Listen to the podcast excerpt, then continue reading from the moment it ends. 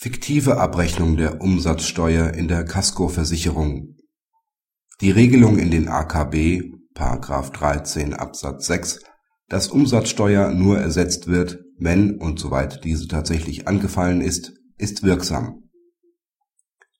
Die Klägerin nahm nach einem Unfall ihre Vollkaskoversicherung in Anspruch. Eine Reparatur oder Ersatzbeschaffung führte sie nicht durch.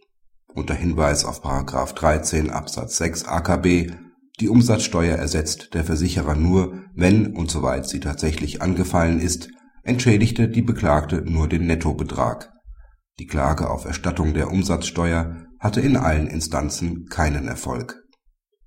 Der BGH wies durch Beschluss nach § 552a Satz 1 ZPO darauf hin, dass er die zugelassene Revision der Klägerin zurückweisen werde.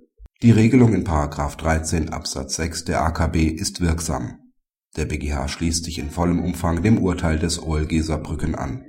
Insbesondere verstoße die Klausel nicht gegen das Transparenzgebot des § 307 BGB. Praxishinweis Das ausführliche Urteil des OLG wird vom BGH nicht nur im Ergebnis, sondern auch in seiner Begründung bestätigt.